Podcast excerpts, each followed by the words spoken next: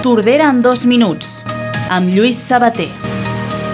Un dia on hem conegut que l'atur baixa en 19 persones a Tordera el mes d'octubre. La taxa d'ocupació es situa al nostre municipi en el 12,84%, 10 punts menys que fa un any.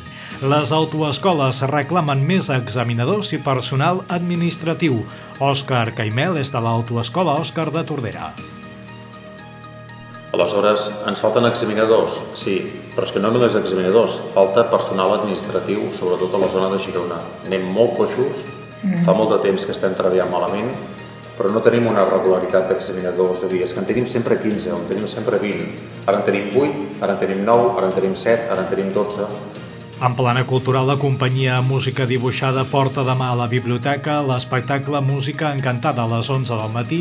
La Sílvia Enfrons és directora de l'equipament cultural. Estic segura que els nens i nenes que vinguin i els seus pares i mares passaran un bon matí amb nosaltres, envoltats d'instruments musicals i, i estic segura que tindran un, un bon record i potser fins i tot a viuran algun encanteri, vés a saber.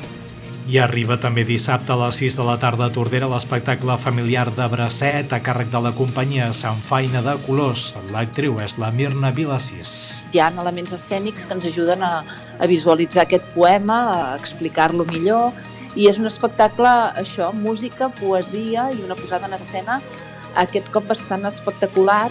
I aquest cap de setmana el primer equip del Club Petit Tordera s'estrena al parroquial, el Club Futbol Tordera i l'Atlètic Club Tordera Parc també juguen a casa, mentre que els sèniors del CEP Tordera i el futsal els hi toca jugar a domicili.